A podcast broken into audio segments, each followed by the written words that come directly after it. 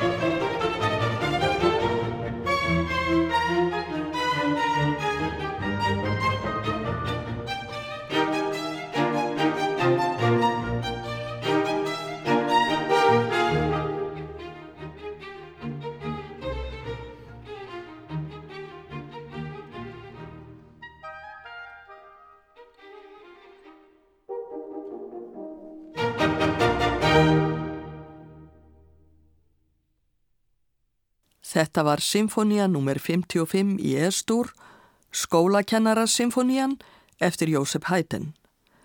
Austurísk ungverska Hæten hljómsveitin leik undir stjórn Adams Fischer. Hljóritunnin var gerði í Hætensal Esterhasi Hallarinnar í Eisenstadt. Þá skulum við snú okkur að hinu kennaratónverkinu, kantötunni Der Schulmeister eða skólakennarin.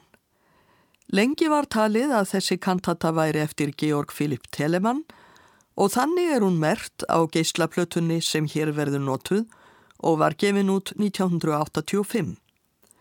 Samt er tekið fram í bæklingi geyslaplötunar að verkið hafi ekki varðveist í handriti Telemanns heldur í afskrift danska 19. aldar tónskálsins Væsi.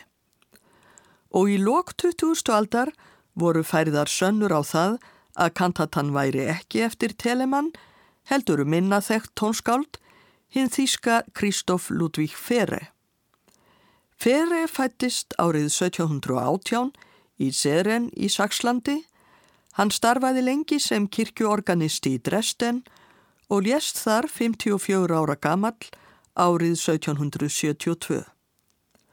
Kantatuna um skólakennaran samtan árið 1751. Þetta er gamansöm kantata sem hefst á því að kennarin segir Sperrið nú eirun, drengir. Hann syngur síðan nóturnar í einni áttund, C, D, E,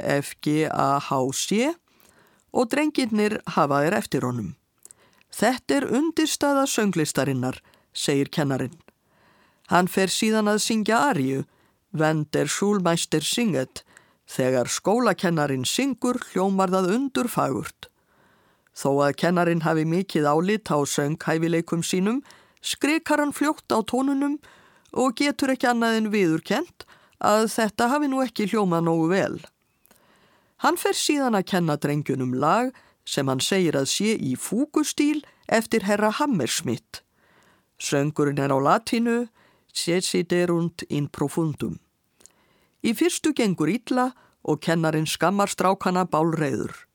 Loks tekst þeim að syngja þetta sæmilega og þá syngur kennarin aðra arju með tekstanum Verd er músík nýtt lípt. Sá sem kann ekki að meta tónlist er og verður asni. Kennarin endur teikur orðið asni, asinus og hermir eftir hrinum asnans í a. Í lokinn taka drengirnir undir með honum.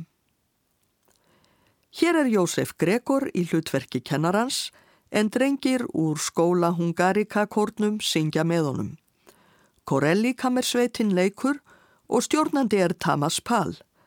Við heyrum kantötuna Der Schulmeister, skólakennarin, eftir Kristóf Ludvík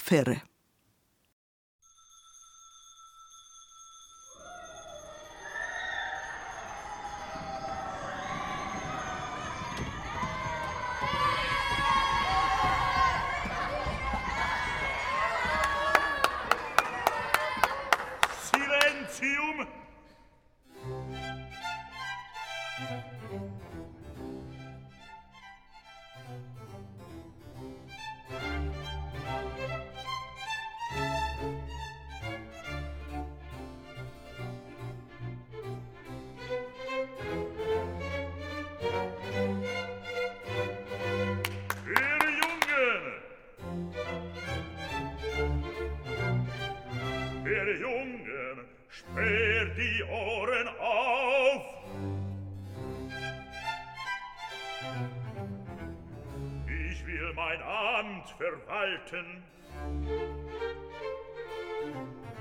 und singe Stunde mit euch halten. Singt allen nach, gebt Achtung drauf. Zieh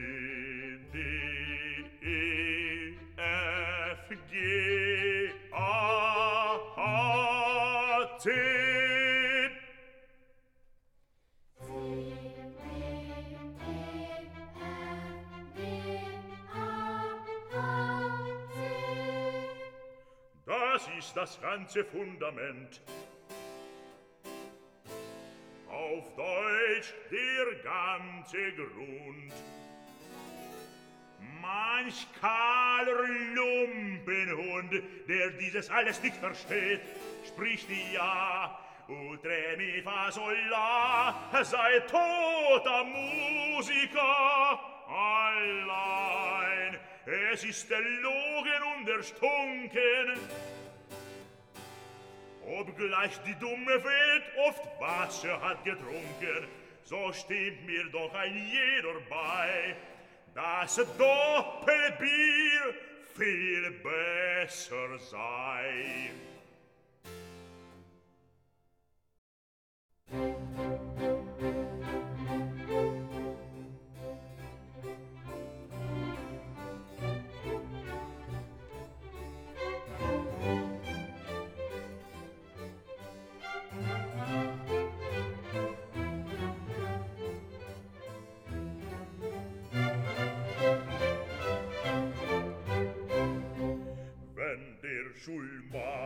der singet, so klingt es wunderschön, wunderschön, wunderschön.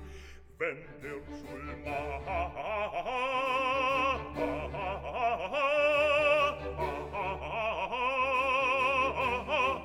singet, so klingt es wunderschön, so klingt es wunderschön wunderschön, wunderschön, wunderschön, wunderschön. So, so, so klingt es wunderschön.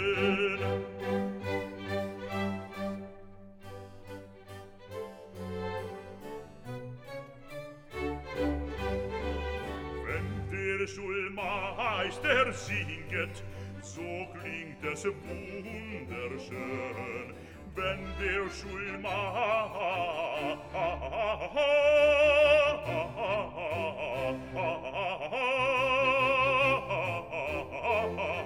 singet, so klingt es wunderschön, wunderschön, wunderschön, wunderschön, wunderschön, so, so, so klingt es wunderschön, so, so, so, so, so klingt es wunderschön.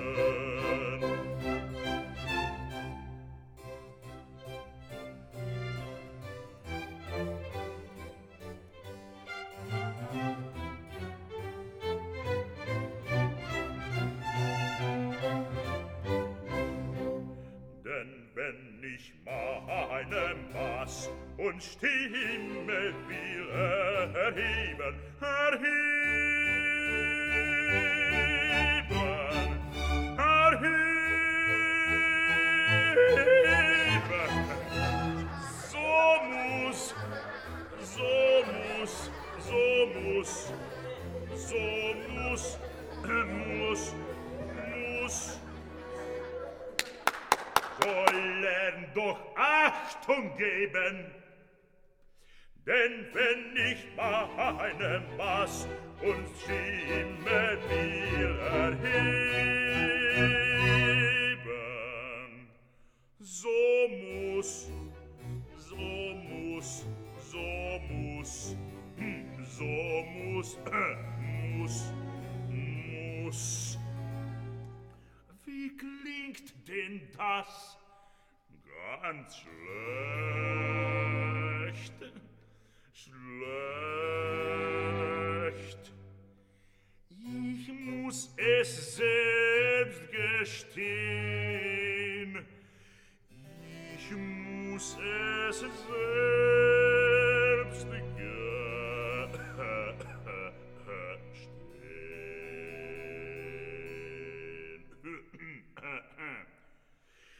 Wenn der Schulmeister singet, so klingt es wunderschön, wunderschön, wunderschön. Wenn der Schulmeister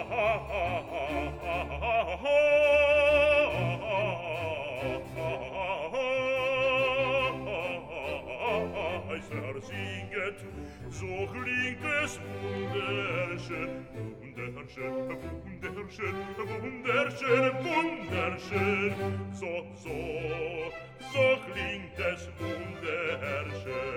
so, so, so, so, so klingt es, wunderschön.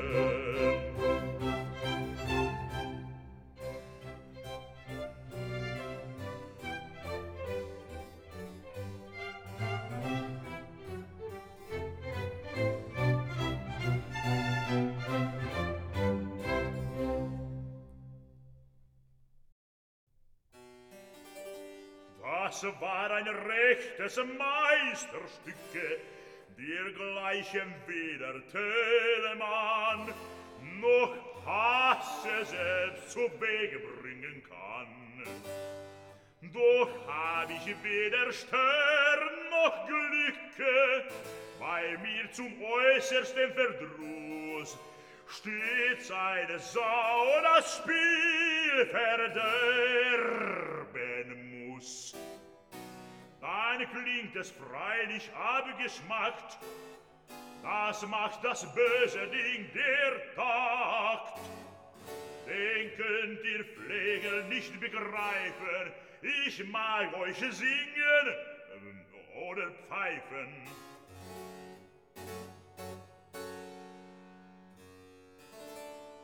Um euch recht künstlich anzuführen, so wollen wir was Künstliches probieren. Es hat es noch Herr Hammerschmidt gemacht. Es geht nach Fugenart. Ihr Pengel habet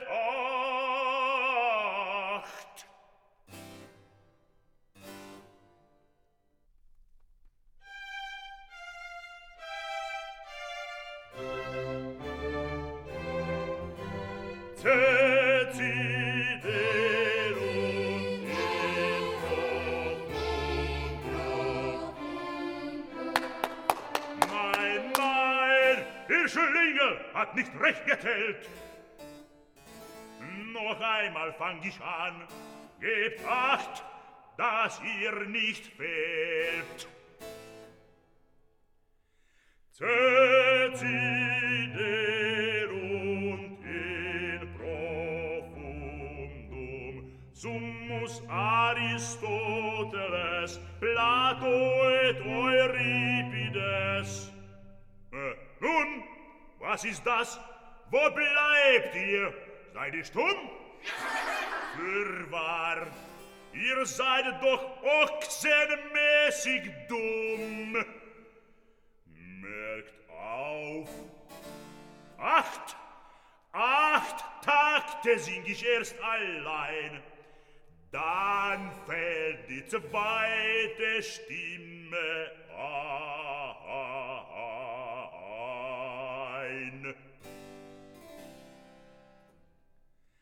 Deciderunt in profundum summus Aristoteles, Plato et Euripides.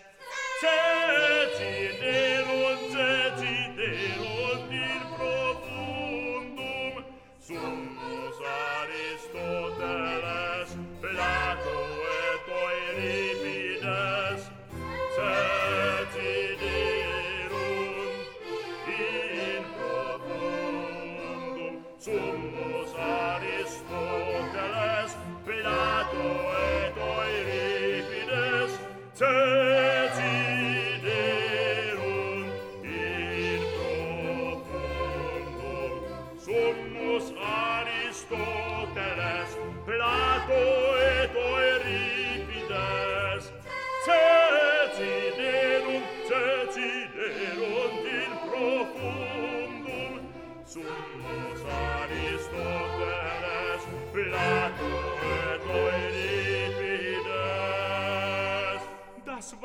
ganz gut. Zählt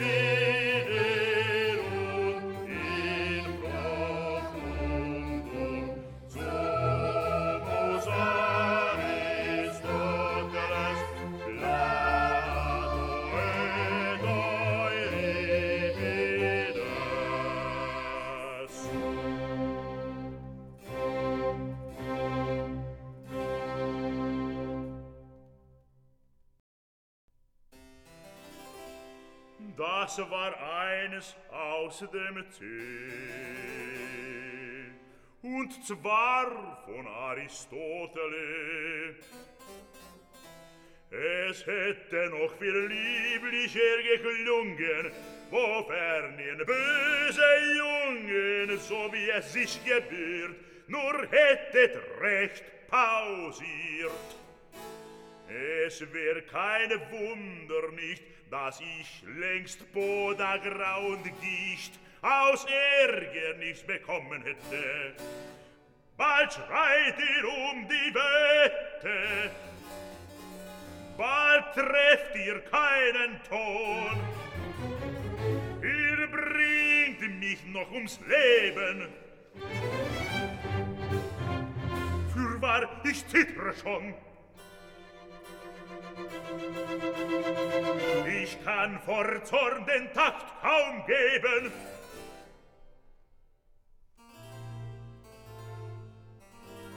Jedoch, was lustig's auf die Bahn, daran das Herze sich ergötzt, Ich will euch noch zu guter Letzt erweisen, was ich kann.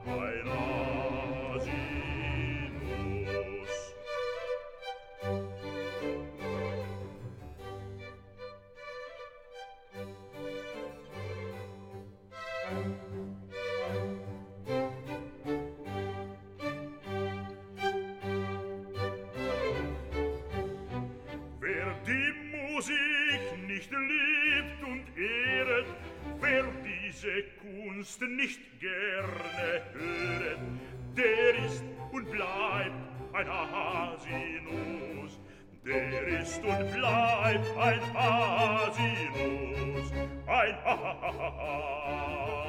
ha ha ha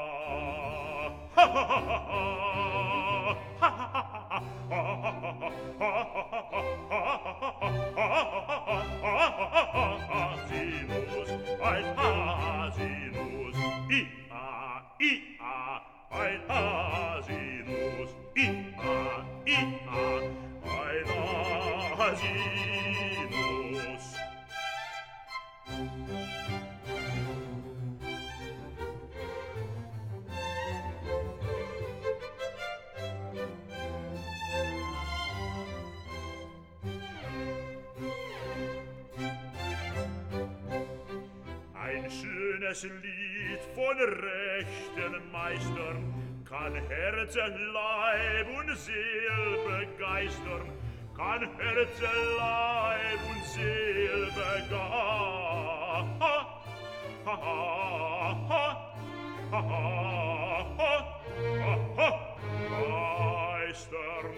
Drum sag ich euch noch zum Beschluss, zum Beschluss, zum Beschluss, zum Beschluss.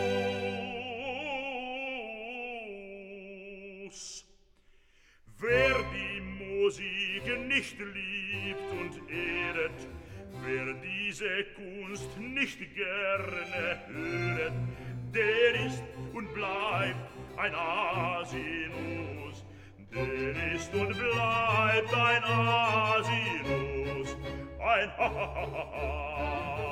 Ha ha ha ha. Ha ha ha ha ha.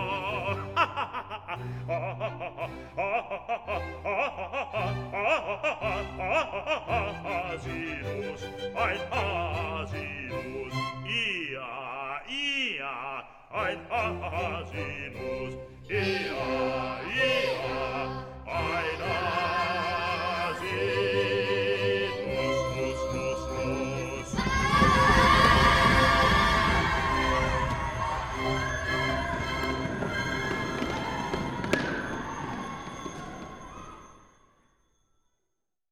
Bassasöngvarinn Jósef Gregor var hér í aðalhlutverki í kantötunni Der Schulmeister, skólakennarin, sem áður var eignuð Telemann en telst nú vera eftir Kristóf Ludvík Fere.